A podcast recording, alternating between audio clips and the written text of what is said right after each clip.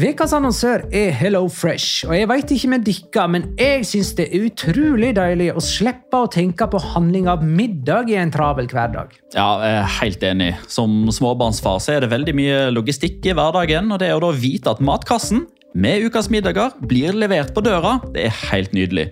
Da slipper du impulskjøp på butikken når blodsukkeret er lavt, og når du kommer hjem, kan du bare ta ut posen med dagens ingredienser fra kjøleskapet og sette i gang matlaginga. Ja, Du kan velge mellom 25 ulike retter hver uke. Og de har faktisk en egen kategori som heter Raskt og enkelt, med masse enkle og gode oppskrifter. Veldig greit å ikke måtte ty til takeaway hver gang det er hektisk på jobb.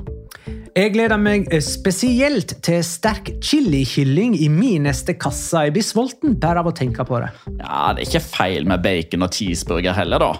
Og det som også er bra, er at matkassen koster det samme hver uke, som gjør det enklere å holde matbudsjettet. Ja, og så blir det ikke matsvinn heller, fordi du får akkurat det du trenger til hver eneste rett. Hello Fresh kan absolutt anbefales, og bruker du koden vår, LIGALOCA, kan du få opptil 1779 kroner i rabatt på de fem første matkastene hvis du ikke har prøvd Hello Fresh tidligere. Du kan også prøve koden hvis du har avslutta abonnementet ditt for tolv måneder siden eller mer. Gå inn på hellofresh.no og bruk koden LIGALOCA. Bon appétit! Hallo? Jeg kommer fra Oslo politikammer. Ine Jansen er purk. Er du purk? The motherfucking bitch. Alt jeg vil, er å finne ut hva som skjedde med mannen min. Jon Carew. Er jeg sikta for noe? Iben Akeli. Det er du. Ole So, Lars Berrum og Big Daddy Karsten. Hvem sin side er du på, egentlig? Anette Hoff, Tone Danielsen, Kommer du fra Afrika? Jørnis Josef, Nesten. Kløfta. Trond Espen Seim. Det er synd å si det, men det var feil mann som døde. Purk. Premiere tirsdag på TV2 Play.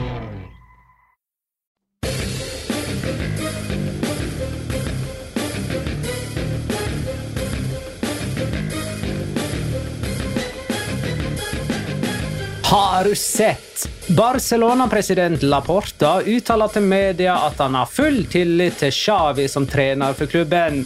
Kanskje ikke så rart det, når det er Laporta sjøl som tar ut Barcelona sine kamptropper om dagen.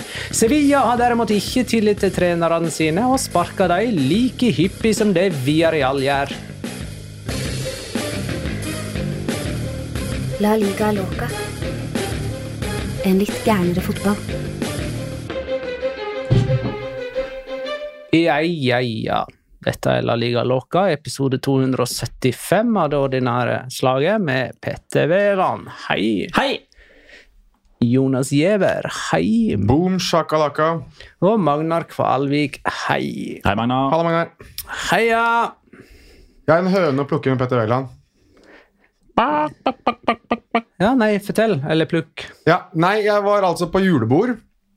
Eh, slik det gjerne er i disse tider. På lørdag. Guttas eh, julebord. Eh, der eh, var det noe FC Quiz Guttas? Nei. bare Nei, nei, nei, eh, Moro Guttas. eh, Tulleguttas uh, Jazze litt med guttas eh, julebord. Eh, og der eh, var det altså en konkurranse eh, der man skulle gjette på visse fakta som ble gitt om de andre rundt bordet. Og hvis man gjettet feil om faktaene som hadde blitt gitt eh, om seg selv, så måtte man shotte.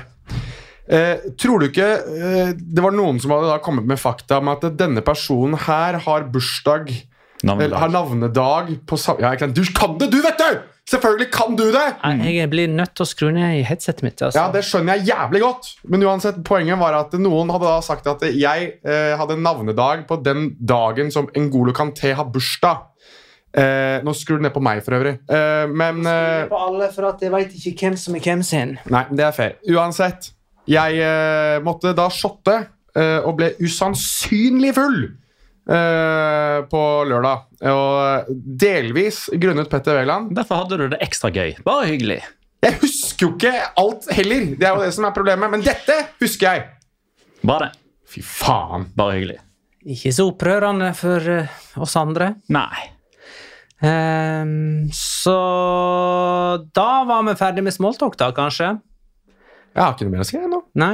Eh, bra levert med oppsummering av eh, forrige ukas eh, europacupinnsats av det spanske laget, forresten. Den koste jeg meg med. Det er nesten at jeg ikke har lyst til å være med på fredag heller, for å kunne høre. Men denne fredagen her så har vi forhandla oss på hjemmefronten til å få være med. Eh, Men- på, på innspilling, har ikke vi? Jeg har forhandlet med de som er hjemme hos meg òg. Vi, er- vi er enige. Eh, Men hvor er det man får tilgang til dette her? Det er jo på patreon.com slash laligalocca. Der får man også tilgang til vår discord, der du òg har gjort en veldig god jobb denne helga. I motsetning til meg, som ikke har gjort en dritt. Jeg lover å komme veldig mye sterkere tilbake enn i midtukerunden som er denne uka. Ja, jeg har gjort litt dritt. Du, du, har fall, du har i hvert fall feiret litt, grann, som vi skal inn på etterpå. Mhm, I denne episoden av La Liga Loca eh, så skal vi vurdere de eh, spanske lagets motstandere i Champions League, kan vi si det sånn? Eh, vi skal summere opp runde 17, eh, ta hver vår locora, kåre rundens spiller, og litt til, kanskje. Petter Begrunta, kanskje? Blir en Petter Begonta. Nemlig. Det, det skal vi òg. Vi kan jo ta dette spørsmålet ifra at Vannkjeli på X. Hvilket lag tror dere har fått den tøffeste motstanderen i dagens europacuptrekninger, og hvorfor? Og da, eh, dette spørsmålet kan vi jo bare legge på minnet. Ja. Eh, For vi skal svare når vi tar for oss eh, hvert enkelt spanske eh, lag i runden som var, men trekningen ble iallfall som følger. Barcelona møter Napoli, Real Madrid RB Leipzig, Real Sociedad Paris Saint-Germain. Og Atletico Inter i Champions League, og så møter Real Betis Dynamo Zagreb i play-off til, til um, Conference League. Knock, Knockout round playoff eh, heter det. Eh, til konferanseligaen. For det at de røyk ut av Europaligaen. Så du må spille en utslagsrunde for å kvalifisere deg til utslagsrunden. Etter å ha egentlig da blitt slått ut i den turneringa du egentlig var med i. Ja, det blir jo en slags 16-delsfinale, da. Du kan kalle det det. Uh, men det er ikke 16 kamper. Nei. Det er neste år, det. Eh, ja Nei, Ja. det er det heller ikke. Det, det, der er det eh, topp åtte går direkte til åttedelsfinale, og så det Forrige neste- uke så var det mye sånne der jokes lost on Jonas. Altså det jeg ikke fikk med meg noen vitser. Det var en vits der om at det er bare mer kamper, og så eh, overdrev jeg det. Med at det er ikke eh, Skjønner fortsatt ikke vitsen, jeg. Er så den, den Jeg tenker du tar runde 17, og- eh, runde 17 kamp for kamp. Runde 17 kamp for kamp uh, fortoner seg sånn. Osasona Rayo Vallecano 1-0. Det er en ny Raúl Garcia i Primera Divisjon. Raúl Garcia de Aro er 23 år og ble matchvinner for Osasuna. Han må ikke forveksles med de spisse albuene til Raúl Garcia Escudero, som er 37 år og spiller for Atletic med fortid i Atletico Madrid. Celta Vigo Granada 1-0. Jørgen Strand Larsen ble matchvinner, og Iago Aspas utvist da Celta Vigo tok sin første heimeseier før sesongen. Atletic Club Atletico Madrid 2-0. Skåringa av Goroseta og Nico Williams sørga for at spillemessig overtak og ble tre poeng for Atletic. Sevilla Getafe 0-3. Og Sevilla gjør som Villarreal og sparker sin andre trener før sesongen er halvspilt. Valencia, Barcelona 1-1. For en gangs skyld så leder Barcelona, men det holdt ikke til seier der heller. De har nå tre offisielle kamper på rad uten seier. Almeria Mallorca 0-0. Kunne ha gått rett videre til neste kamp, men Her har jeg velger faktisk noe å si. Ok, ja. Jeg velger òg å nevne at Almeria fremdeles ikke har eh, en eneste seier denne sesongen. Og hvis vi regner med slutten på forrige sesong, så har de 20 strake primærkamper uten seier. Og er en av sju klubber gjennom primærhistorien som har gått 20 strake uten seier. Um jeg skal ikke bruke så fryktelig lang tid, men jeg så jo pressekonferansen til Gaisca Garitano, altså Almeria-treneren, etter dette her. Eh, er det noen andre her som tilfeldigvis har sett det, eller fått med seg kommentarene derfra? For det var eh, eh, Hvis du kan kaste deg Jo. selv under bussen, på et eller annet vis, så klarte han det, i det på den pressekonferansen der. Han eh, erkjente at vi har ikke klart å gjøre det noe bedre, eh, gjøre situasjonen bedre enn da vi kom. Helt riktig. Eh, men løsningen er jo ikke å drive og bare sparke trenere med en lav sko. Helt riktig. Og, eh, og også innlede dette med Det kan hende jeg ikke er her i januar, men Det stemmer. som jeg syns, som jeg syns var kjempegøy.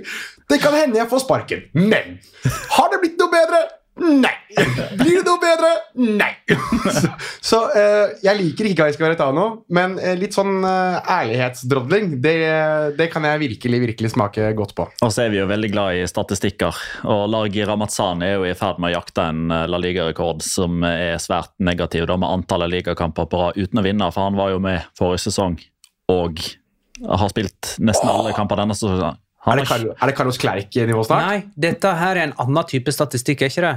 Dette her er spillere som har spilt flest kamper eh, på rad uten å vinne i La Liga. Ja, altså, men da alle serierunder. For Ja. Carlos Clerc kunne jo stå over Han hadde færre kamper, Ja, han men kunne jo altså stå over strake kamper. da. Ja. Serierunder på rad. Okay, Han har ikke ja. stått over noe som helst. Han har Nei, spilt nei, de siste 20. Nei. Han har ikke vunnet noen av de siste 20. Han jakter La Liga-rekorden til El Commandante på 26. Ja, Levante-sesongen der, at det rykka ned? Ja. I hvert fall del, altså Det må ha vært del av det. Ja, Riktig. Yes. uh, skal vi se. Real Sociedad, Real Betis 0-0.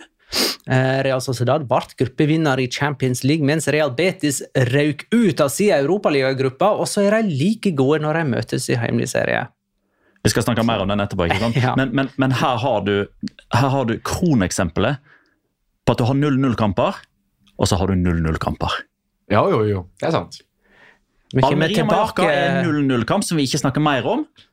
0-0-kampen mellom Real Sociedad og Real Betis, den må vi ta etterpå. Så du skal inn på en 0-0 fotball-champagne, liksom? Det er, det, du, det er det du mener her? Ja. ja. Ok, fair enough.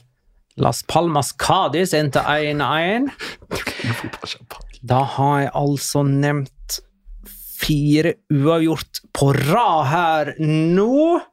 Og Cádiz har spilt 1-1 i fire runder på rad. Det er utrolig mye uavgjort i La Liga nå. Helt utrolig mye. Eh, Vi skal ikke tilbake til denne kampen, her, men kan ta spørsmålet fra Mikael Bjerkan likevel. Hvor mange keepere i verden er bedre enn Alvaro Valles? Det er ikke så mange akkurat nå Det er altså. ikke så mange akkurat nå, ass! Hva faen? Nei, jeg er, enig, jeg er jo enig. Jeg skulle si at jeg satt jo og fulgte den kampen her eh, samtidig som eh, det var en eller annen form for sovepille som skjedde på Anfield mellom Manchester United og Liverpool. Eh, men her var eh, egentlig Las Palmas fryktelig eh, heldige, og hadde i tillegg en fryktelig god keeper. For her skal Cádiz skåre i hvert fall tre ganger. Det er to helt ekstreme redninger fra Valles, og jeg vurderte å ha han som min runden spiller, men den til han slapp inn, så var det litt vanskelig å argumentere for, synes jeg, og de ikke vant. Men oppe og snuser på en posisjon på sesongens lag allerede nå, med tanke på hva forutsetningene var og forventninger osv. Han er litt sånn Conan Ledesma, faktisk. Eh, de er litt sånn like i eh, karakter. Hmm. Real Madrid via Real 4-1. Real Madrid har 16 strake offisielle kamper uten tap. Det er 13 seire og 3 uavgjorte. Og akkurat nå er de igjen serieleder i Spania, men Girona har ennå ikke spilt. De møter nemlig Alaves hjemme mandag kveld klokka 21. Da snakker vi 18. desember. Jeg har lyst til å ta det spørsmålet her fra Garnityr Knaus, apropos Girona.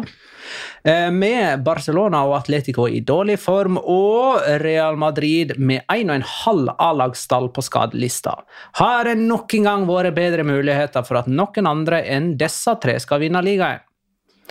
Rent, i alle fall siden 2004, da. Jeg vil jo si, Det var et par sesonger siden der Sevilla var oppe og snuste på en mulig ligatittel, og så møtte de jo Real Madrid, og så falt de jo sammen. og Da var det serierunde 33 eller noe sånt. 34-33. Når var dette? Var det Lopetegi-tid? Det var Lopetegi-tid. Det var da bl.a. Lucas Ocampos gikk ut og sa at nå drømmer vi om serietittelen osv. 2021-sesongen. Ja, 2020. Holdt de så lenge? Var ikke det kollaps eh, rett etter vinterpausen? Nei, nei, nei. nei. Det, Sevilla hadde jo på et tidspunkt og, Hva var det da? 1, 2, 3, 4, 5, 6, 7 strake seire der. De slo Atletico Madrid, de vant El Derby Sevillano. De hadde en sånn syk kamp bort mot Celta Vigo som de vant 4-3. og Så var det hjemmetapet mot Atletic, og så uavgjort borte mot Real Madrid. Uavgjort da var det. liksom, hadde de vunnet den, så hadde de meldt seg på igjen. men 2-2. Har Sevilla tatt poeng borte mot Real Madrid? 2-2. Dette var på uh, den derre Dette var på Di Stefano. Ja, Alfredo Di Stefano Det- Det var koronatiden, Ja, ja. Det var, det var da Eden Hazard hadde sin uh, prime, da han skåra det ene målet. eh, fire sin- minutter på overtid. Da han hadde sin prime, altså de to dagene han var god. Ja, altså de fire minuttene. Ja, okay, Men eh, litt av problemet med um, ja, i gåsehauget påstanden til Garnityr Knaustad om at eh, altså, har det noen gang vært bedre muligheter for at noen andre enn de tre skal vinne? Eh, problemet er at eh, de som skulle ha utfordra de tre, er jo òg skikkelig, skikkelig ræva. Mm. Sevilla ligger langt der nede. Jeg skal ikke nevne Villarreal eller Valencia, for de hadde vi jo aldri trodd skulle kjempe opp der oppe uansett. Nei. Real Sociedad er litt for svake òg nå, i La Liga. Jeg er enig med det. det men de, altså, La Liga er ikke noe gøy for Real Sociedad lenger. Det er Champions League det handler om nå. vet du. Altså, La Liga, det, det, det, er, det er week. Det er last week. Um, Så det, det er litt sånn for uh, utopisk å tenke seg Girona som den store utfordreren. Ja, det er jo det, men, men samtidig så føler jeg at premisset er litt feil her. Altså, ja, Real Madrid har mange spillere ute med skader, og ja, akkurat nå, eh, fordi Barcelona har tapt eh, to kamper og spilt en uavgjort de siste tre, og Atletico Madrid ble denga løs på av Atletic Club, så har vi et narrativ som tilsier at alle topplagene er svake. Men det stemmer jo ikke. Det poengsnittet de har nå, gjør at topp fire Du må ha 80 poeng for å bryte inn i topp fire, sånn som poengsnittet er nå. Real Madrid har en høyere poengsum nå enn hva de har hatt noen gang, nesten. Ja, ja, altså, Etter, etter 17 serierunder. ja vi, jeg tror ikke vi skal liksom undergrave Gironas prestasjon på noen som helst måte. De har jo prestert Jeg tror de ville ha prestert altså, De presterer jo så godt som, som overhodet mulig, liksom. Til tross for at alle rundt de gjør Det at de er så høyt, da, er kanskje det som eh, heller forklarer at det er et problem andre steds hen. Men eh, Jeg tror svaret er ja, da. Altså, det, er, det er den største sjansen Ja. noensinne. Nei, altså Valencia vant nå i 2004. Men, men Valencia hadde jo et bra lag. Sånn, du hadde jo men navngjetne ja, kjempespillere. Og, og dermed så hadde du en større sjanse for eh, at noen andre enn de tre nevnte kunne vinne Ja, ligaen. det skal sies at Ja, altså, bare, bare for å si det, da. Altså, Real Madrid ligger an til å ta 93 poeng i La Liga denne sesongen. Men ja, da og Poengsnittet gir 93-94 poeng, og David Alaba er ikke så viktig at nå blir det 72, liksom. Nei, men eh, likevel så mener jeg Garnityrknaus sitt resonnement eh, står, fordi at mm, med dagens Real Madrid og deres kvaliteter, som jeg rangerer som lavere enn f.eks. midten av forrige tiår, så tilsier deres poengsnitt nå, eller deres mulighet for å nå 93 poeng, at det er for dårlig bak dem i La Liga ja. sånn på nedre halvdel eksempel, av La Liga, er svakere enn på lenge. Men nå, nå er det bare en følelse som jeg uttaler meg på bakgrunn av. Ikke helt sånn her statistisk jeg, tror det er, research eller jeg tror det er blitt i eh, europeisk fotball generelt, så tror jeg det er blitt et større sprik mellom de beste og de dårligste i hver toppdivisjon. Jeg tror Du ser jo det samme i Premier League også, med de tre som ligger nederst der. Det er et ganske ekstremt spenn opp til serieledere og de som ligger topp fire, topp fem i Premier League. Så jeg tror det vi ser i større grad, er at det blir enda større. Det gjør kanskje at Gironas prestasjon er enda sterkere òg, da. Um, fordi de ligger der de ligger. Men ja, uansett. Jeg, men jeg hadde en veldig kort diskusjon i dag med Frode Lia om akkurat det her. Og han mener jo at dersom Girona skulle gå hen og vinne La Liga, så ville det være en større prestasjon enn da Leicester gjorde det i 2016. Ja, utropstegn. Ja, ja, ja. Ingen diskusjon. Ja, ja, ja. Ja, nei, bare, jeg, jeg var enig i det. Så det var eh, Jeg gleder meg til vi skal ha den diskusjonen i mars. Fordi det betyr at Girona fortsatt henger med. Godt poeng. Og så er det landslagspause. Og må, må, må Noe vi, fylle- noe, noe tida med. uh, nei, men Skal vi bønne på med Steia, da, med Valencia-Barcelona 1-1? Eh, Joe Felix sendte Barcelona i ledelsen. Ugo Guillamon føler jeg ikke har putta det ordet eller de ordene i min munn på en stund. Han utligna. Det er litt, litt gøy at du sier 'føler', for det virker ikke som noe Guillamon gjør heller. Det er jo ikke, det er jo ikke en mine å dra når han gjør noe som helst. Det er jo mannen kronisk hvilepuls. han, han. han er jo et sånn Fifa-ansikt, ikke sant? Så der, der er det jo ingen uttrykk. Ja, men det, det er steinansikt. Altså, Han har det samme uttrykket når han uh, frir og når uh, forloveden dør. Altså, det er samme uttrykket. Han ser ut som en av de der statuene, der, eh, hva heter det, for steinstatuene som du finner på Påskeøya. Ja! Han, han ser ut som en av de. Han gjør det. Mm. Hva heter de igjen?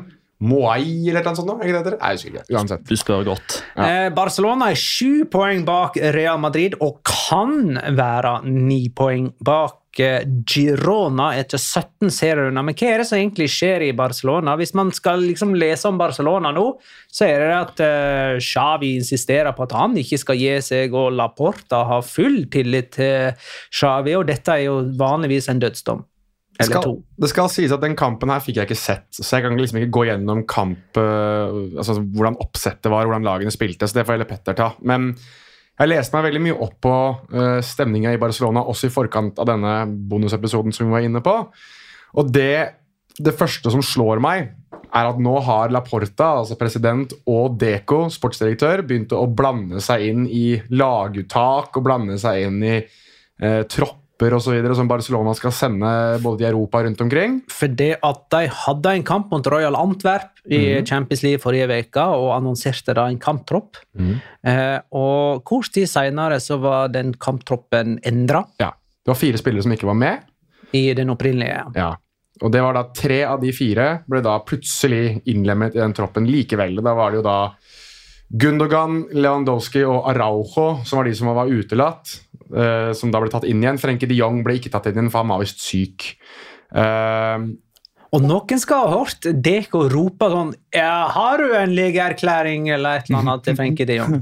ja, ikke sant? Så det er, det minner meg om da jeg, gikk, da jeg skulle prøve å komme meg unna eksamen i 9. klasse og sånn. Har du legeerklæring på det?! Det hadde jeg ikke, så jeg måtte ta eksamen uansett. Men, eh, eller tentamen, som det het. da. Um, men uansett, da, stemninga virker å være på et historisk bunnivå da, mellom Chavi, Xavi, Laporta og Deco. Um, Og mange henter fram et sånt klipp fra, av Johan Cruyff, som eh, i en eller annen videosammenheng hadde en samtale med Xavi og sa at eh, den dagen eh, Barcelona, eller en president, blanda seg inn i en trenerens jobb, så sier du piss off og reiser derifra. ja, men jeg begynner å få Jeg vet ikke hvordan dere opplever det, så jeg er litt in, altså interessert i men jeg får sånn mer og mer følelse av at Barcelona begynner å bli litt sånn som Rosenborg. At man liksom skal alltid referere tilbake til liksom, eh, læremesteren som en gang viste oss hvordan det skulle være. 4-3-3 tikki-taka, man skal spille på den måten. Ja, altså Det er indreløpere, det er eh, godfot, det er eh, De skal ha det Madrid, de har prøvd! Det er liksom litt samme både Barcelona og Rosenborg nå, og uten at du egentlig får det absolutt beste ut av den troppen du har. da. Men har ikke det Um, vært sånn i Barcelona siden 70-tallet? da? Jo, men de har jo hatt eh, perioder med ganske stor suksess. da. Eh, Guardiola, for eksempel, han snakket jo også bare om Cruyff og liksom, hvordan Cruyff lærte han fotballen osv. Men nå er det liksom på et sånt punkt der de, de skal gjøre alt cruyffistisk, men de er jo ikke i nærheten av å klare det. og Da er vi jo inne på selvfølgelig Chavi-ball-debatten vår i forrige uke, Petter. Vi trenger ikke å ta den en gang til. Men er ikke det egentlig to retninger i Barcelona? Det er Cruyff og så han der som var president under Cruyff. Hva han heter Gaspar? Ja, Jean Gaspar? Nei. Det ikke han som president av Eller, eller er det Altså- Rex du skal inn på? eller noe sånt Da? Nei uh, Da Cruyff var um, trener og hadde stor suksess fra, eh, på starten av 90-tallet, vant vel fire La Liga på rad, Ja. uh, så kom han i klinsj med presidenten fordi at de ville gå i ulike retninger. Og siden så har det vært liksom de to retningene. Eh, Josep Luis Núñez. Ja, nonister og cruyffister. Mm. Sånn er det. Ja, mm. Fair enough. Ja, jeg synes ja, De har faktisk noen sånn utstaket kurs nå, da, virker det som. De vil liksom være det, det De vil være litt Cruyff, og de vil være litt uh, Núñez, tydeligvis. Og, altså, de Ja, jeg Og så er jo nonjister det, det er jo sånne som, eh, som eh, tenker eh, kommersielt. Altså en sånn en som han, disse som har havna i fengsel. Liksom. Sandro Rosell og Ja, Bartomeu og sånn. Ja, Mm. jeg er enig. Ja, ja, men altså Bartomista. Bartomista. Rossellista, blir det det, da? Ja, Bartomista litt bartender og litt barista, da. ja. Men i alle fall eh, Laporta, som er en plass midt imellom disse cruyffistene og nonistene, har blanda seg inn i, eh, i kamptropputtaket til Xavi. Eh, og eh, ja, Det de jobber med nå, er å roe gemyttene sånn utad. Og så er det vanskelig å vite hvordan det er internt, for det, at, eh, det, er, jo, altså, det er jo en gutteklubb. Eh, det er mange hva skal man si, sånn penisflengere i, i gjengen. Eh, noen vil ja, Det er viktig å få vise ut at hvem som faktisk er sjef, og akkurat nå så ser liksom ikke Shawi ut som den. da. Nei, og, han, og så er han veldig Nå har han begynt å plukke, plukke argumenter og krangler med journalister underveis i pressekonferanser og sånn også. Eh, Jeg la merke til det òg, at det nylig var noe greie med at han Chavi eller Laporta? Chavi, Ja. at han hadde med en eller annen journalist som hadde sagt at ja, du ønsket meg lykke til forrige gang, men nå er du bare kritisk og et eller annet, oh, ja. et eller annet sånt. Er vi nede ved det sporet nå? Ja, og- Det var tidlig. Ja, det er litt tidlig. Eh, også, men han er sånn han kommer med en sånn uh, kommentar, og så sitter han og liksom humrer etterpå. Det er så veldig sånn passiv-aggressivt. Uh, den feigeste av det feige, syns jeg. Uh, skal du ta en kamp, så tar du en kamp. Hvis ikke så holder du kjeften din. Men det klarer ikke Chavi, og det er kanskje litt derfor han nå blir overstyrt da, av typer som Laporta og Deco. Ja, og så er jo Barcelona kanskje mer prestasjons- og resultatmessig orientert enn de fleste andre fotballklubber i verden. Og det er vel egentlig ja, en måned til halvannen siden at vi begynte å snakke om dette faktum at nå er det lenge siden Barcelona har vunnet en kamp med flere mål. liksom. Typ Barcelona-supportere har sittet med hvilepuls og bare hatt eh, ryggen tett tett inntil sofaen eller stresslesen det siste kvarteret og bare se dette utfolde seg, og det blir seier uansett. Det er tilbake igjen til 5-0 mot Antwerpen og Betis, og dette har jo naturligvis Mr. Chip òg tall på. Nå har Barcelona, da, nå er de oppe i 17. 17 strake kamper uten tomålseier eller mer. I løpet av Barcelonas hva blir det da, 128 år lang historie, det har skjedd én gang før at de har spilt 17 kamper, og ingen av dem har de vunnet med to eller flere. 114 år er de vel. Du er født i 1899, tror jeg stiftelsesår. Det er uansett veldig lenge siden de ble stifta, og det har kun skjedd én gang. Det var i 1962-1963. Da stoppa rekka på 18. Det betyr at hvis de ikke slår Almeria og de er heldige som skal møte Almeria, for det er det dårligste laget i Spania. Hvis de ikke vinner med to eller flere mål på Montjuic mot Almeria, så vil de da statistisk sett ha sin lengste periode i klubbens historie uten å vinne en kamp komfortabelt. 124 år for øvrig. Ja, det var greit at vi rettet opp. Ja, jeg, jeg skjønte det sjøl, at det, det var ikke helt innafor å komme så Eh, feil i matematikken. der. Men det, det går, går fint, det. Ja, men, det, men jeg det, som er det, det, det som er kanskje det problemet som er både lettest å peke på og kanskje vanskeligst å fjerne, er jo det faktum at Barcelona er vanvittig ineffektive. Veldig mange av disse kampene som de har vunnet med bare ett mål, mange av disse kampene som har endt opp med uavgjort, burde de jo ha vunnet ganske greit etter spill og sjanser. Ja, det er kanskje litt kulere og litt sånn he-he, at vi skal påpeke at Alaves kunne ha ledet med to og tre mål før Barcelona kom tilbake og snudde, men faktum er at ganske mange av disse kampene, bl.a. mot Valencia, skal og bør Barcelona både vinne, punktere lenge før Guillamon får muligheten til å kyle den ballen opp i krysset. Og da er vi inne på Lewandowski, og der er jo liksom Ja, problemet. Når skal Robert Lewandowski eventuelt få beskjed om at Takk for det du bidro med forrige sesong. Da var du god. Nå er du ikke god nok lenger. Nå skal Mark Gio få lov til å skinne, f.eks. Eh, Eller For eh, ja, eh, Sivert, Rocke, eller- Sivert van Morik sa det for lenge siden, og sier igjen. Når skal Ferran Torres få lov til å starte for Robert Lewandowski? eller Ferran Torres. For det var vel Var ikke det Sivert van Morik som regna seg fram til at Ferran Torres skulle skåre 200 mål denne sesongen etter å ha skåra hvert kvarter mm. i i starten der? tror det var han. Ehm, altså Ferran Torres har den rare greia med at han er for dårlig for startelva, men for god for benken. Eh, Han er Barcelonas Angel Correa. ja. eh, Men betyr dette òg at Lewandowski igjen hedda med nesen og skjøt med leggen? Eh, Han var ineffektiv. han burde... Ja, altså, altså det, det som for meg oppsummerer Robert Lewandowski, er den ene situasjonen det var i første omgang, der han blir spilt gjennom, har et fantastisk første touch, et fantastisk andre touch. Veldig mange spisser hadde ikke kommet til avslutning der. Og så blir det for fikst eller for dårlig, eller for, plutselig for dårlig selvtillit når han da innser at oi, nå kan jeg faktisk skåre mål. Og det er litt sånn alarmerende, for nettopp det har jeg aldri sett av Robert Lewandowski før. prediction. Veldig sånn kort prediction. Spådom? Spådom. Eh, hvis og Jeg tror det er tror dette skjer, da. Men hvis Vittor Roque signerer for Barcelona i januar, altså hvis han ankommer i januar og skal spille i Barcelona fra januar, som da den som kommer inn og tar plassen til Gavi, så tror jeg han skårer flere mål i La Liga denne sesongen enn det Robert Lewandowski har gjort. Altså, han enda opp eh, med flere mål enn Lewandowski, Ja, selv om han da bare har en halv sesong. Ja, og, det, og da tror jeg at etter det så blir han genierklært.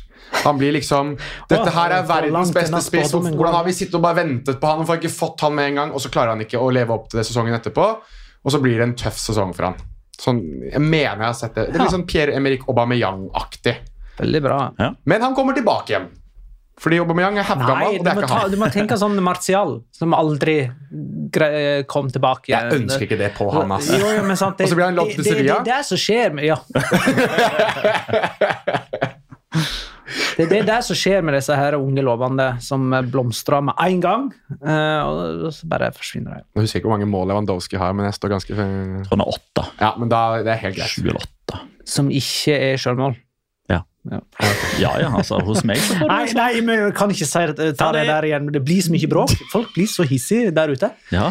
Eh, Jeg kan jo nevne at eh, Barcelona ikke har vunnet noen av sine siste fire bortekamper. Siden de slo Real Sociedad den 4. november. Eh, Og som Petter sier, så møter de Almeria. Eh, Det er hjemme nå i midtveka. Det er jo midtvekerunde. Er. Så det er jo onsdag, da, 20. desember. Og jeg, jeg mener jeg husker at for, for, altså Forrige gang Barcelona var inne i en sånn stim på bortebane, da røyk Koman. Han fikk vel én seier, og så røyk han mot Rayo, og da var det finito. Ha! Xavi den nye Koman. Um, kanskje. Allikevel, da. Eh, bare tenke Jo. Mm, De møter òg Napoli i åttedelsfinale i eh, Champions League. Eh, helt umulig å vurdere hvordan Napoli står, og hvordan Barcelona står, i februar, Ja. når, kampene, eh, når første kamp går av stabelen. Det er to måneder og ett overgangsvindu til.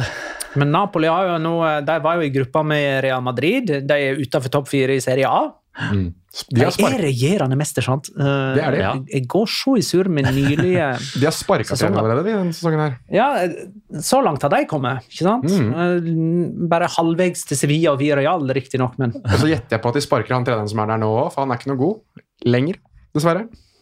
Uh, hvem er det? Walter Mazzarri. Han var veldig god da de hadde Cavani, Lavessi. Det der er litt sånn eh, betegnelse på å gå eh, baklengs inn i framtida. Mm. Back to the future. Men eh, det må jo vurderes som en helt grei trekning for Barcelona. Jeg har, Kunne, vært- kunne vært verre. jeg har, jeg tror verre. Napoli tenker òg. jeg, har, jeg har Barcelona som magre favoritter. Det er Magre favoritter. magre favoritter. Skulle vi ha sagt noe om Giamon, eller? Vi har allerede drept en halvtime med denne episoden. Snart ferdig, skjønner du. om Giaman. Skal, er det alt? Jeg, jeg, jeg hadde helt glemt fyren og plussemann i lagoppstillingen og utligna for, for Valencia. Ja, nei, altså, Ogo Giamon har jo boikotta fotball siden han var i Qatar. Det var for et år siden, og er boikotten over. Og han begynte igjen. Veldig gøy at du har Mark Gio og, og Ogo Giamon. Det er sånn, sånn Pokémon-utvikling. Veldig Men, gøy. men tenk deg, han var i den spanske landslagstroppen, Ja, han var det. eh, og siden bare forsvant han. Ja. Mm. Og de, han ble ikke kidnappa. Han har ikke vært langvarig syk, tror jeg. Han bare sitter på benken. Men problemet er at hvis han er langvarig sjuk, så kan du ikke se det på trynet hans uansett. Nei, men da ikke, man kan ikke se det på trynet hans på benken. Vet, det er vanligvis, vanligvis så får man en liten, sånn, en liten forvarsel hvis man kaster opp, f.eks. Det Ja. får du ikke hos Ogo Giamon. Bare spruter ut av kjeften hans. All right. Uh, Real Madrid via Real endte 4-1. Kan du ta ut den kleshengeren som er i drakta på Jude Bellingham? Nei, han har eh, Altså Du mener han har breie skuldre? Altså, Han ser ut som en fuckings linebacker jo, i, i Han hadde NHL. en, Eller han NFL. hadde en voldsom bekledning under drakt eh, i denne kampen. Ja, for jeg Det er tydelig at han ikke likte den spanske temperaturen, brite som han er. Ja, men jeg lurer på om det kan ha noe å gjøre med det at han har en skulderskade. da, At det er noe Ja, det kan også beskyttelse være. han Jo, har men under det der. har han jo.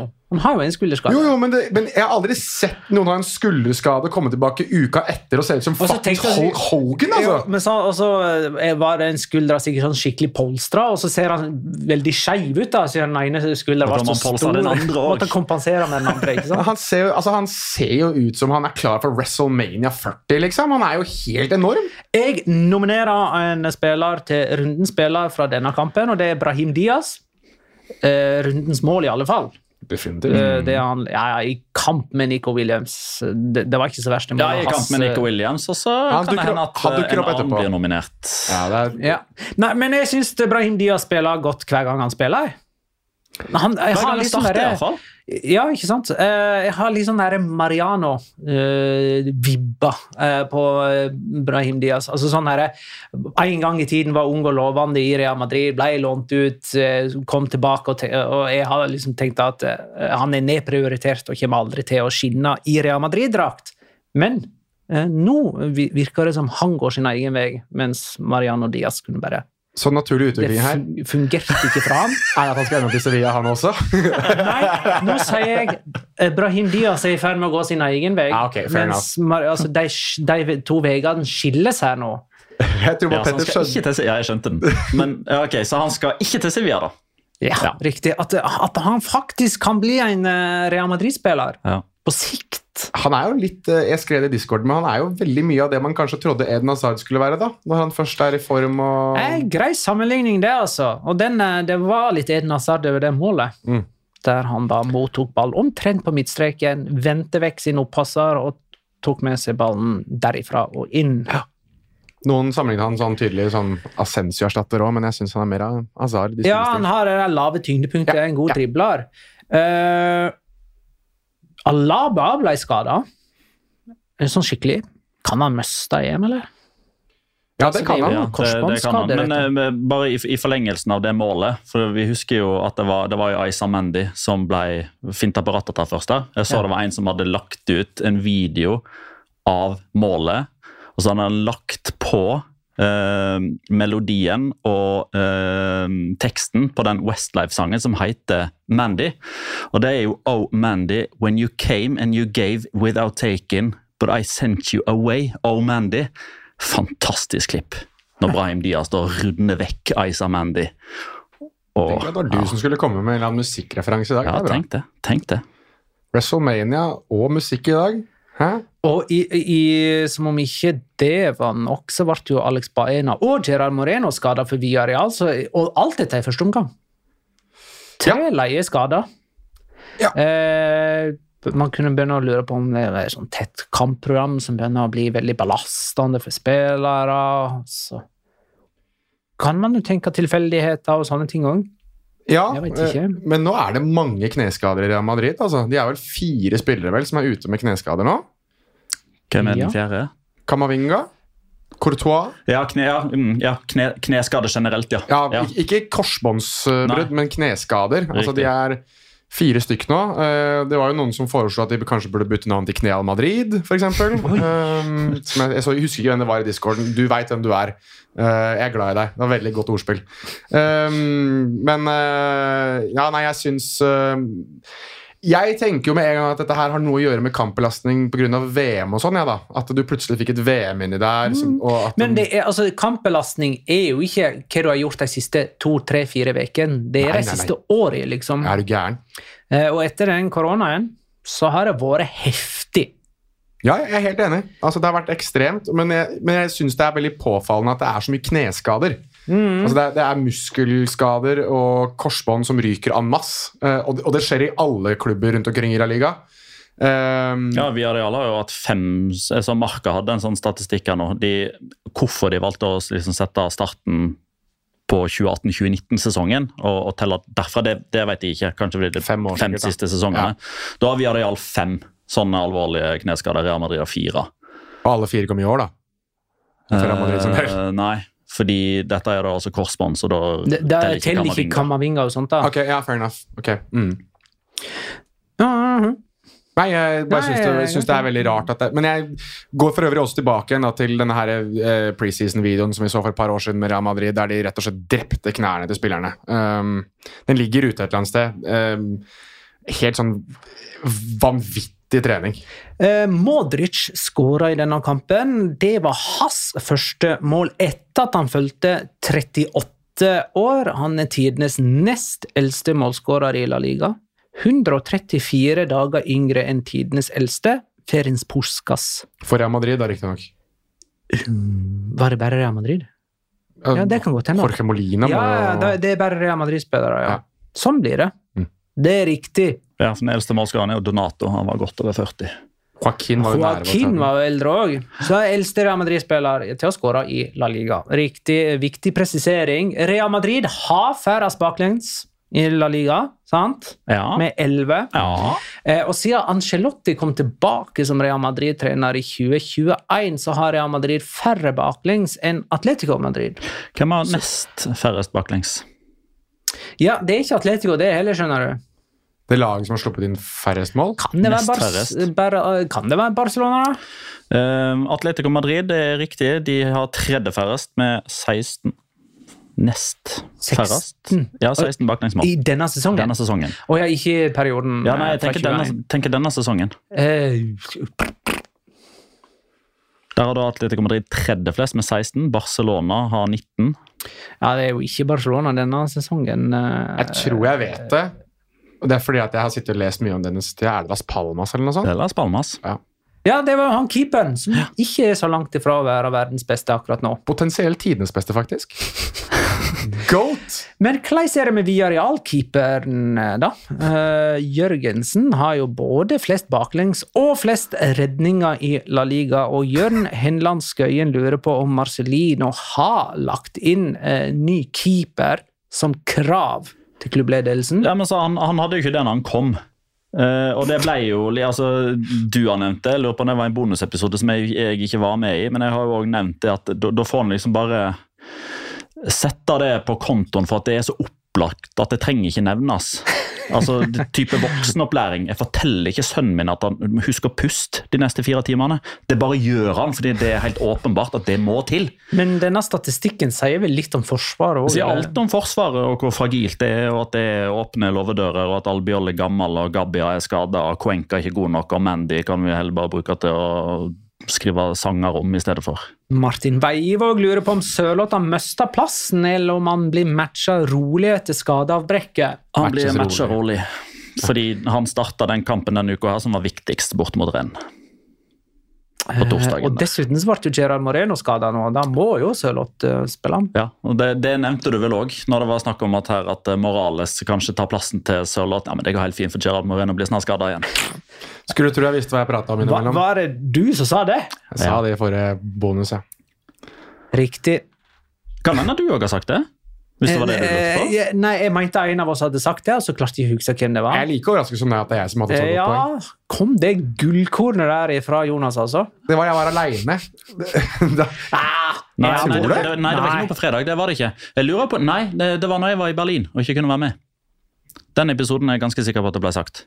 Da, vet du, nå har vi så fantastiske flotte lyttere at nå er det en eller annen som kan få lov til å isolere det klippet og legge det ut til oss. Det setter jeg veldig pris på. Muchas. Bellingham er toppskårer i La Liga med 13 mål. Så er det òg sagt. Real Madrid møter RB Leipzig i eh, Champions League åttedelsfinale i februar og mars. Og hvis vi skal da si at eh, eh, Barcelona er magre favoritter mot Napoli, hvordan blir altså, Real Madrid større eller mindre favoritter mot RB Leipzig? Ja, det er 80-20. Tjukke favoritter. Tjukke favoritter! 80-20 i favør av Madrid. Overvektige favoritter.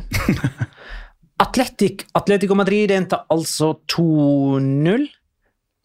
Ja. Eh, Atletico slående sjanseløs i denne kampen. her. Jeg så en sånn skuddstatistikk. La han vel ut faktisk òg i Discord, med ja, litt bidrag i Discord. Uh, bra.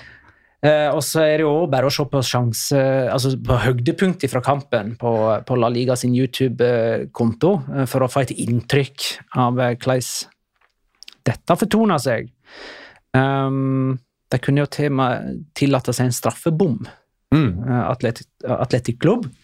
Eh, og det som er litt moro, Groseta, som har åtte mål, og Inyaki Williams, som har åtte mål, det, den duoen er den tredje giftigste angrepsduoen i La Liga, etter Grisman Morata og Bellingham Rodrigo.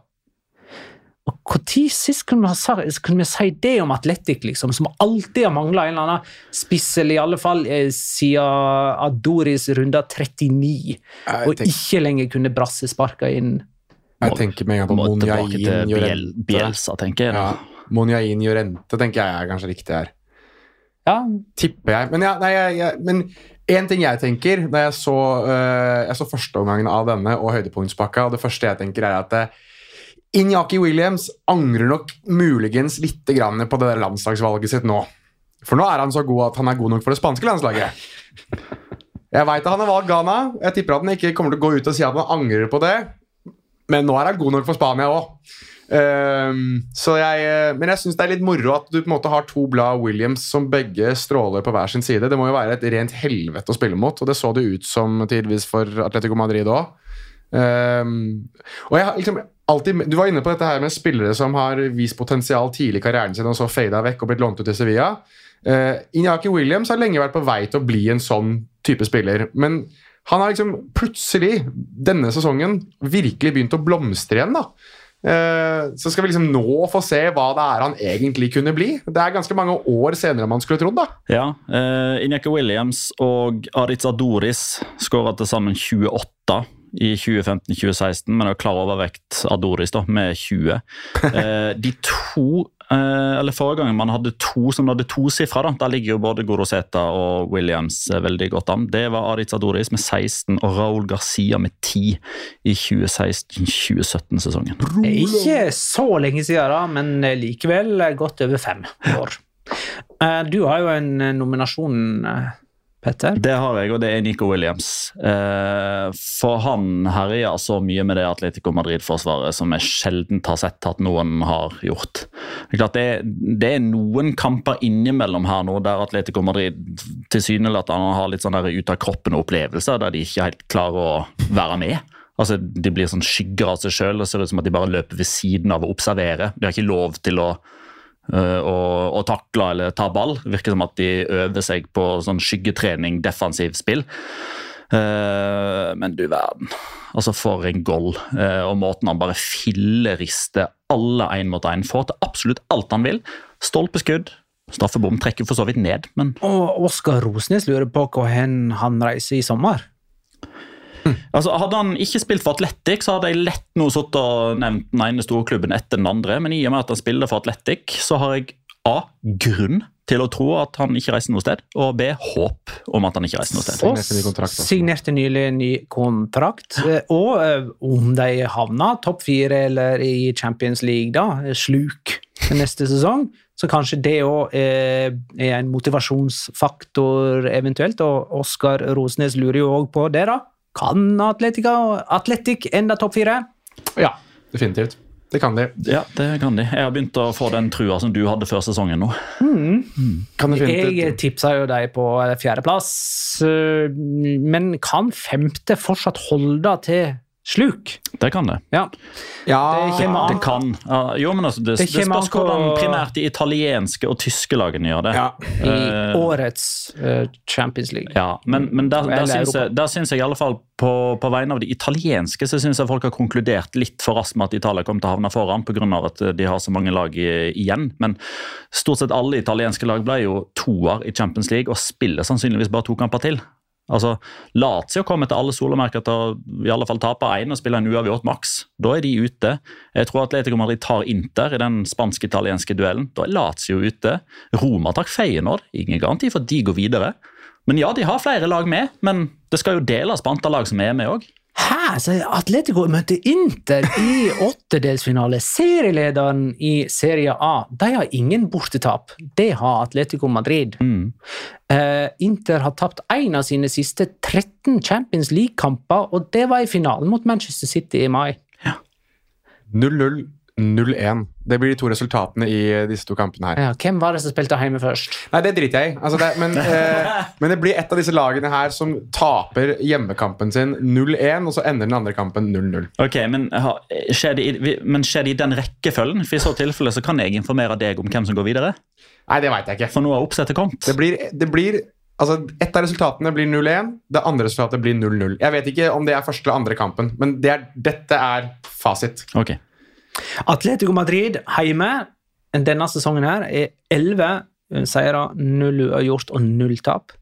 Atletico Madrid borte denne sesongen i fire seire, tre uavgjort og fire tap.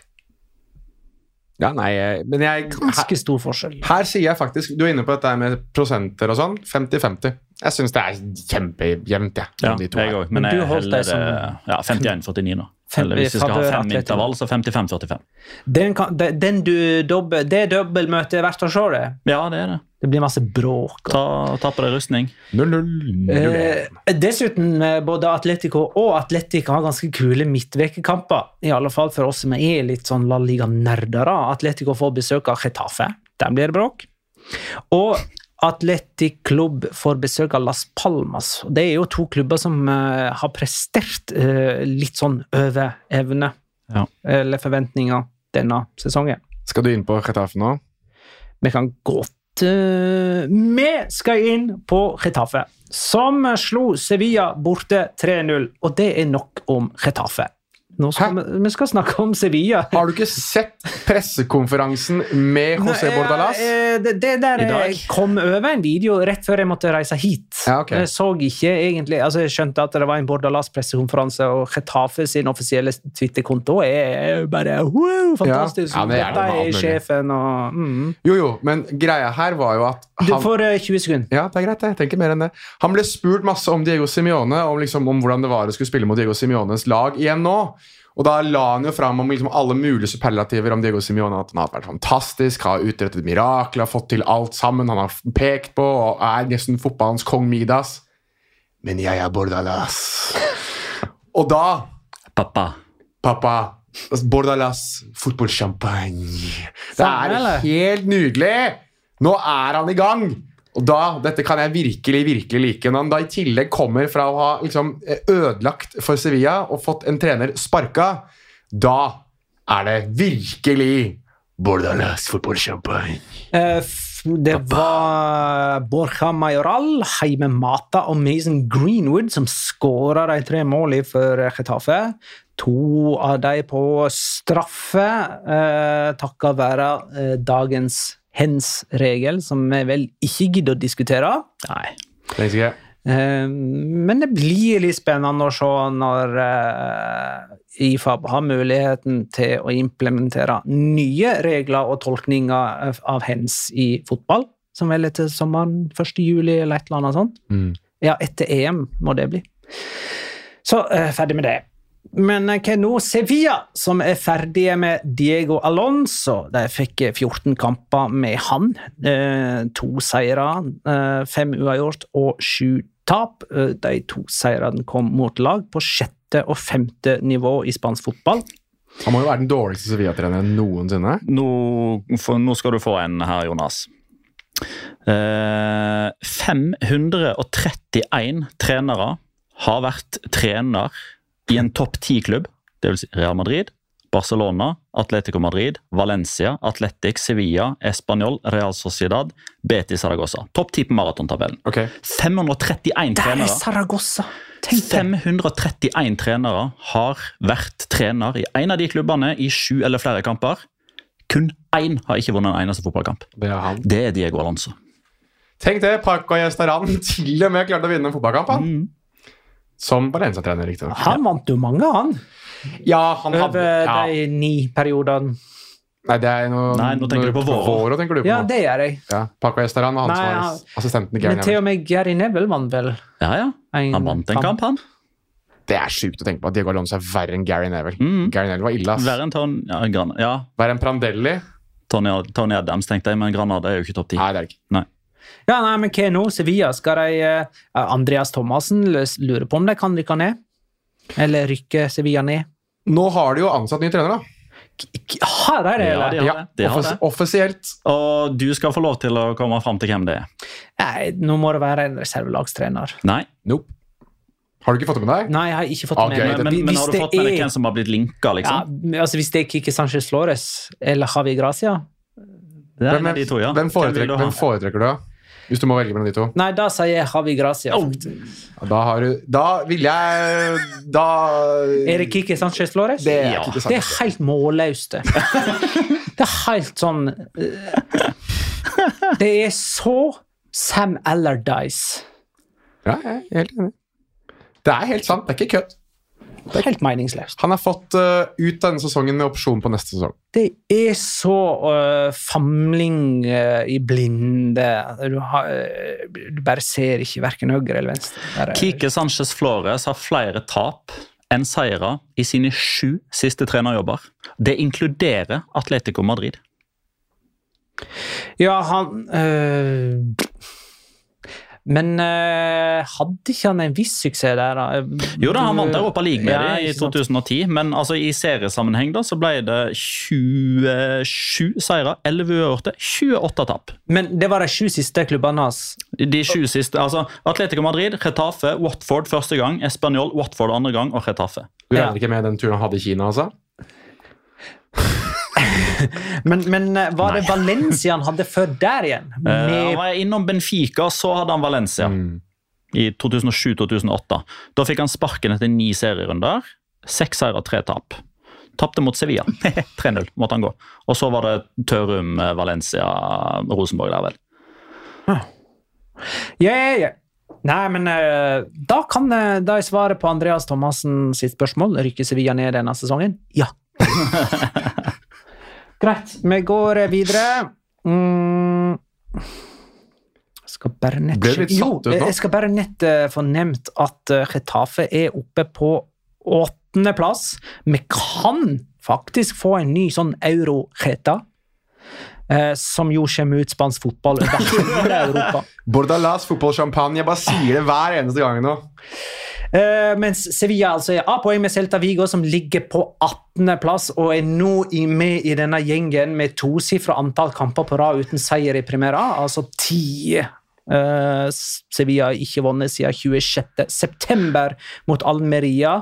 Det er deres verste rekke i Primera siden starten av 1970-tallet. Vet du hva for en kamp jeg gleder meg mest til i den uh, som kommer?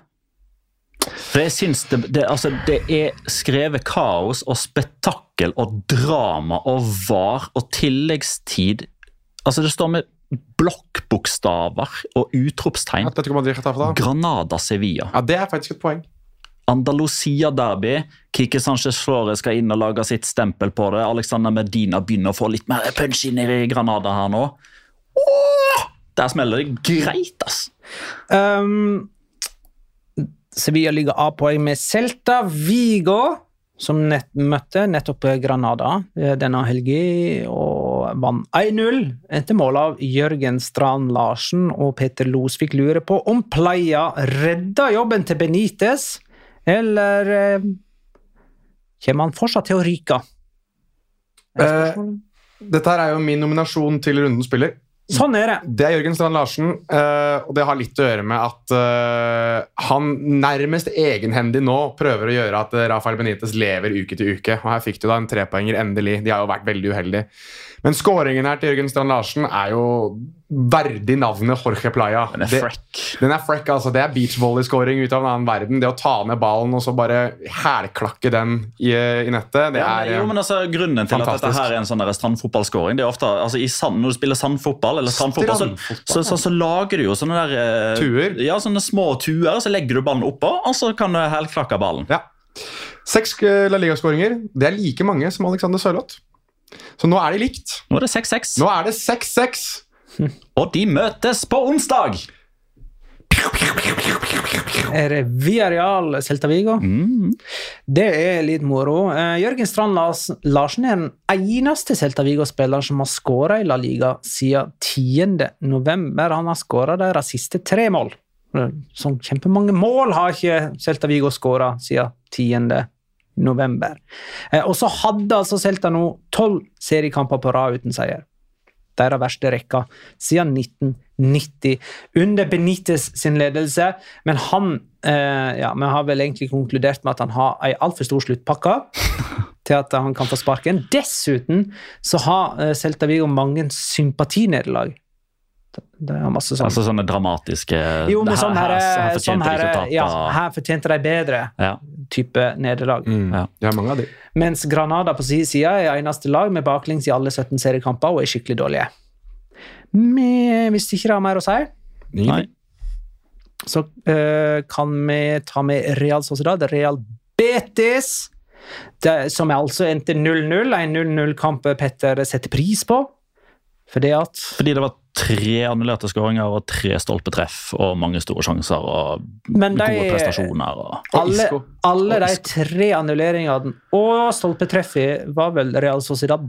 Eh, Alle annulleringene var Real Sociedad sine. Alle var for offside. To av de til André Silva, eh, som det fortsatt ikke skal lykkes for. Eh, Og så hadde Real Sociedad to i stanga, og så hadde Betis ett stolpetreff av Ja. Jose Perez.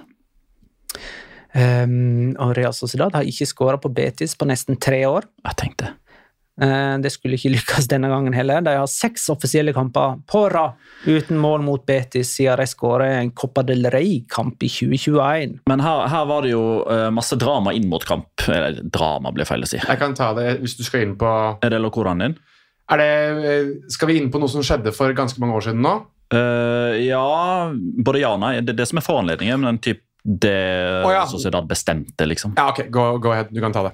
Real Sociedad bestemte i anledning Aitor Sobeldia sitt eh, det er 25 år siden han ble drept. Sabalett. Aitor Sabaleta. Eh, han ble jo drept for 25 år siden, eh, på mer eller mindre den datoen den kampen ble spilt på, så han ble hylla. Eh, men det Real Sociedad valgte å gjøre, var jo å nekte alle Real Betis-supportere adgang til kamp. Det ga de beskjed om fire dager før, eller noe sånt, om at det kom ikke til å bli tillatt med bortesupportere. Eh, og det begrunna de med at for et år siden, når Betis Nei, når Real Sociedad spilte mot Betis, så var det plutselig masse Frente Atletico. Altså ultrasgrupperingen til Atletico Madrid hadde kommet seg inn på kamp og sto med et banner og sånt, og, og visstnok ja, det var en Atletico Madrid-supporter som eh, tok livet av eh, Sabaleta, så her var det litt sånn eh, tension. Eh, Real Betis reagerte jo voldsomt mot dette her, med at dette er en generalisering. Det er en type oppfordring til vold, eller dere initierer at eh, Betis-supporterne er bruker vold når de er rundt og reiser. Så Betis var jo ikke til stede på presidenttribunen, så det er sånn kald front mellom de. Og så blir det sånn her eh, narrativ kamp når begge trenerne hiver seg på, der Pellegrini sier at ja, men det er jo helt feil at Betis-supporterne nå ikke skal få lov til å reise på kamp fordi det var, fantes idioter for 25 år siden. Sabaleta gjorde noe som han elska, nemlig å dra på kamp, og det får ikke Betis-supporterne lov til å gjøre. Og så svarer Alguacil at jo, det er synd på de som ikke får lov til å dra på kamp. Sabaleta ble drept, liksom. Altså, så klarer man ikke å se hverandres poeng, og så blir det bare sånn typisk sånn spansk mikmak. Ja. Det var da voldsomt. Uh, skal vi se Real Sociedad trakk eh, Paris Saint-Germain i åttedelsfinalen til Champions League. Kanskje ikke be tidenes beste Paris Saint-Germain, men det kunne gått bedre i den eh, trekningen for Real Sociedad, som jo vant gruppa si. 60-40 favør Paris Saint-Germain. 70-30 favør PSG. Ja. Fordi La Real har vært så god på hjemmebane i Champions League, syns jeg. Synes de har spilt lag, bedre lag ut på hjemmebane enn Paris Saint-Germain. Og hvis uh, Luis Henrique fortsetter med Hva var det? 4-2-4 de stilte mot eh, Newcastle? Et eller annet Jeg holdt på å si Det var det de vant eh, det Barcelona vant Champions League med i 2015, så det er vel det han tenker at han skal gjøre igjen? da? Jo, uh, men da med Neymar, Suárez og Messi, Ja. liksom. Ja, Ja, ja. det han var- har en bra, en bra gjeng der framme nå òg, Ja men uh, ikke så bra. Ikke like god. Det er uh, Mbappé, Randal, Colomboani, Gonzalo Ramos Ousmane Asensio, Asensio. Kangen Lee. Kangen Lee. Er noen spillere der òg, da! Få si det! Hæ? Den kampen her tror jeg blir førstevalget hos Champions League-rettighetshaver i eh, Sør-Korea og Japan. Kobo mot uh, Kangen Lee. Blir har, ha, har noen selskap i Sør-Korea og Japan kjøpt rettighetene for sluk? Det er et godt spørsmål. Det veit vi ikke. Det er det ikke. Men det har ikke skjedd i Norge ennå, så vidt jeg veit. Nei, det er ikke offentliggjort. nei. Det er et eneste stort pengesluk, vet du. Det er ikke offentliggjort. Vet du Pe det? Petter veit et eller annet. Nei, jeg veit vet ingenting. ingenting. Lyver du nå? Petter sitter og blunker i studio. Nei, jeg har video på at jeg ikke sitter og blunker. Jeg sitter med øynene sånn. Ja, du har faktisk det. Du, har, eh, du blunker ikke. Eh, Real Betis tapte hjemme mot Rangers i Europaligaen, og med den konsekvens at de eh, rykka ned til konferanseliga. Der skal de møte Dynamo Zagreb. Vi sier eh, Betis er favoritter, og ferdig med det. Og så har de i serien denne merkelige greia, merkelige greia med tolv strake seriekamper uten tap. Og så føles det som at de skuffer hver helg. Altså, Det må være tidenes dårligste tolv kamper på rad uten tap-rekka, altså. Eh, De har spilt seks bortekamper på rad uh, uavgjort. Ja, for vi, vi- har vel den derre Mallorca og Betis-rekka med det å spille uavgjort borte borte og hjemme. Mallorca hadde det hjemme, men de slo jo Sevilla. Det gjorde de, vet du. Da er det tid for Locora! Ukens La Liga Locura. Locura. Locura. Locura. La Liga Locura. Jeg kan starte, jeg. Uh, fordi Petter har egentlig nesten tatt hele min allerede. Og det er jo Aitor Savaleta, uh, som for 25 år siden på tragisk vis ble drept av en uh, Atletico Madrid-supporter da han skulle på kamp. Det har jo vært en ting som har vært nevnt sånn titt og ofte når man snakker om Real Sociedad, men her gjorde jo da supportere både på San Mames for så vidt også, Atletic-supportere, og Eh, selvfølgelig på Anoeta med Real Sociedad-supportere gjorde ordentlig stas på ham med et stort banner. Alle spillerne kom ut på banen i drakter med Sabaleta 25 på for å markere 25 år. Så mm, det er litt sånn eh, Der er spansk fotball veldig gode. Det å virkelig slå ring rundt sånne tragiske hendelser som det. Eh, Så har Petter nå forklart hvordan de kanskje også gjorde litt skam på det òg. Men eh, jeg syns det var eh, hyllest, fin hyllest på Anoeta til en som gikk bort ved, det å dra på kamp. Eh, ta nummer to, da, sånn at jeg ikke går fra min lokora til preguntaen. Sånn at du får snakke litt imellom der. Nå skal det faktisk være en bit, bitte liten historietime her. fordi jeg ble, jeg ble gjort oppmerksom på noe først i går. om noe som Jeg ikke, jeg visste ikke at dette her hadde skjedd. Eh, tilbake i 1986-1987. Husker dere, Vet dere hva det gjelder? For Enten så vet man, eller så vet man ikke.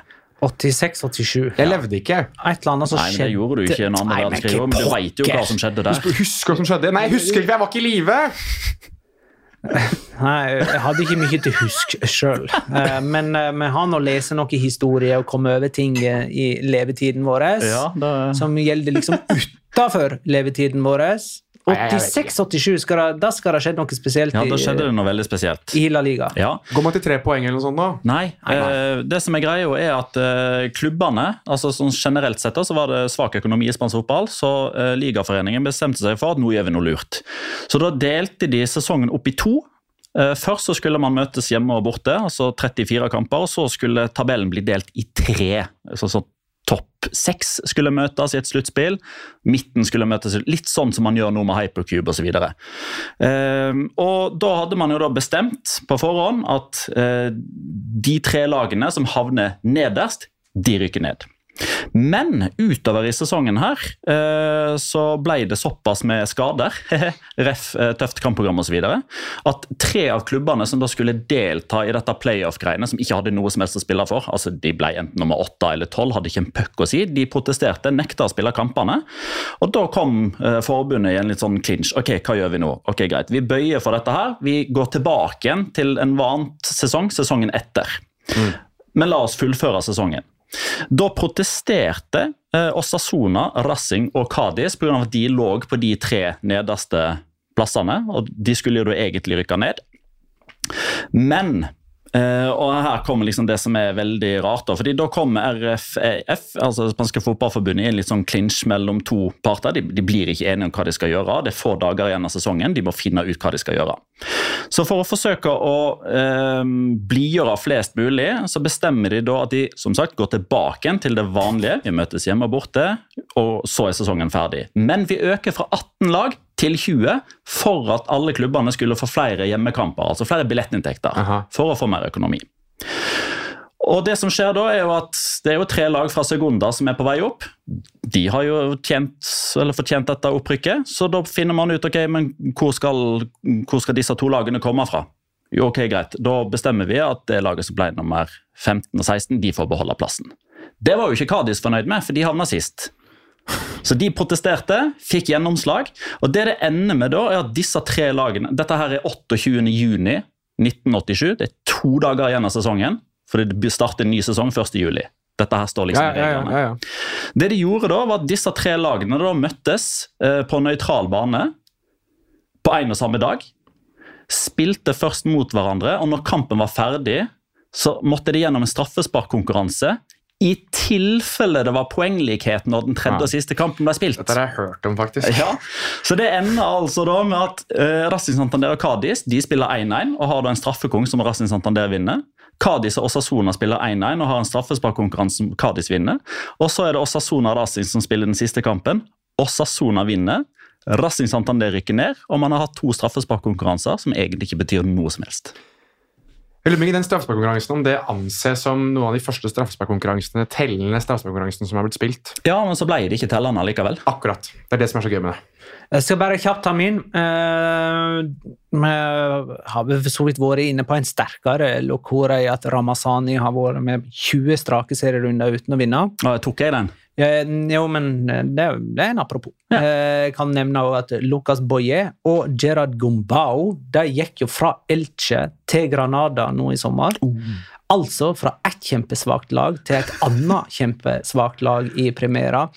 Og de har eh, leiestatistikker over lang tid nå. Gumbao har på sine 50, siste 51 seriekamper seks seire. Og Boye på sine siste 51 seriekamper har fem seire. Og det er liksom dette er La Liga-spillernes svar på Malta eh, og, og, og Liechtenstein San Marino. og San Marino, som, som på en måte får en og en annen seier fordi at de er på riktig nivå i Nations League, liksom. Og kanskje en treningskamp. Spanias Stian Ord. Ja, ja det, da skal de rykke ned. Ja, det er det jo på god vei til, Ja, og har gjort allerede. Vi må, vi, vi, vi må forte oss med Spørre-Petter.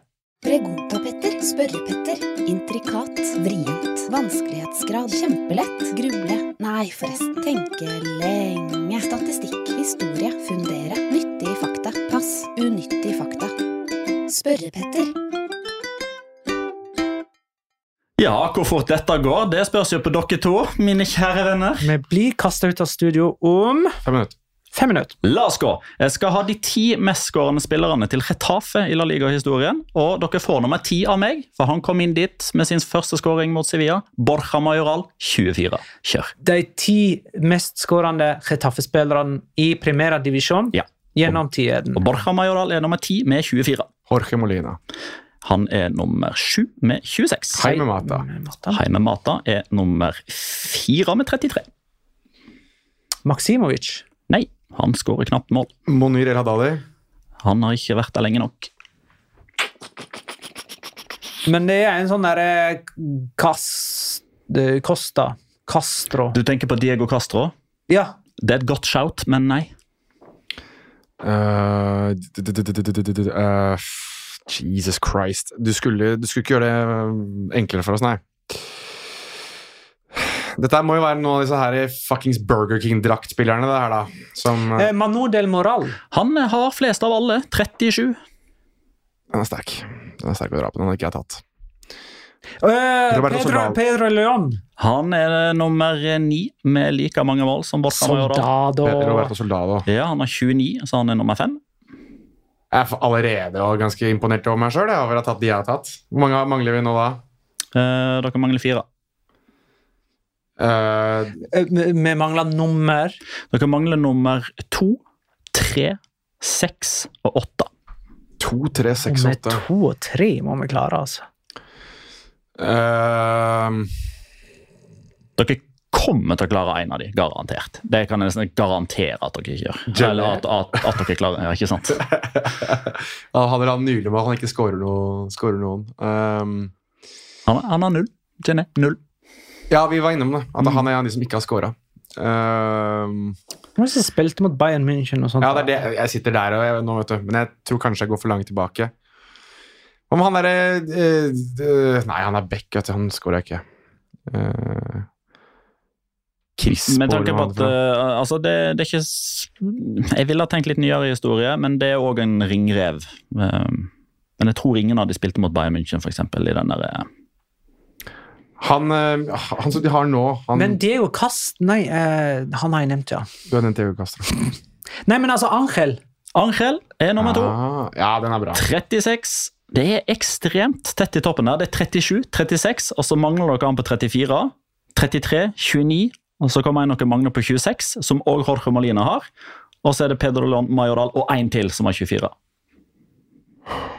Er det noen ekstra Madrid-spillere her, da? I, nei, ikke nå lenger. Nei, for det er veldig typisk at det hadde vært noen som Ja, har lånt Majoral, her. Pedro Leon, Soldado. Ja. Uh, er det noen eks-Atletico Madrid-spiller her?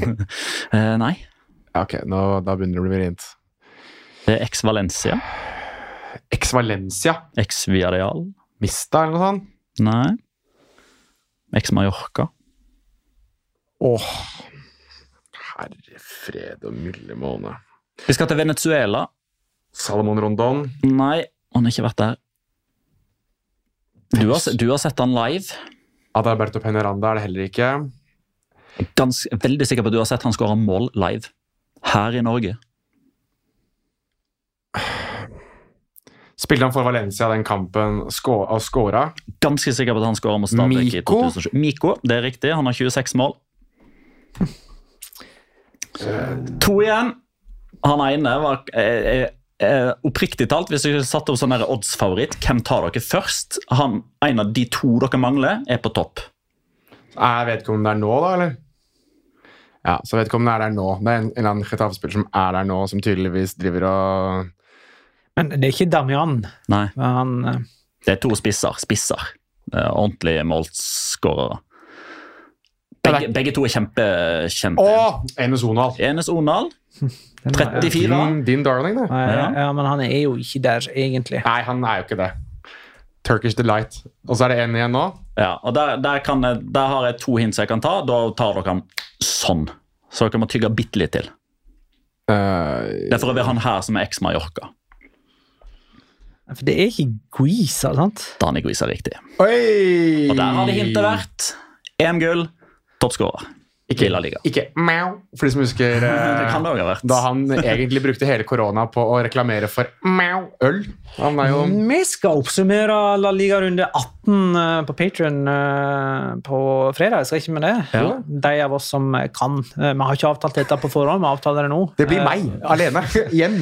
Neida. Det spørs om det blir formiddag eller ettermiddag. For jeg kom på nå at jeg skal på Kurt Nilsen julekonsert med Madammen. Eh, Så i lunsjen for min del i så fall. Ja, der ser du. med- eh, Jeg trodde kanskje vi alle hadde forhandla på heimebane. Det er ikke helt riktig. Nei.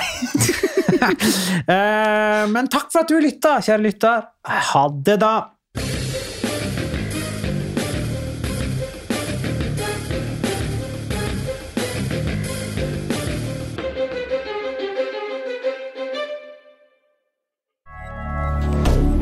Moderne media.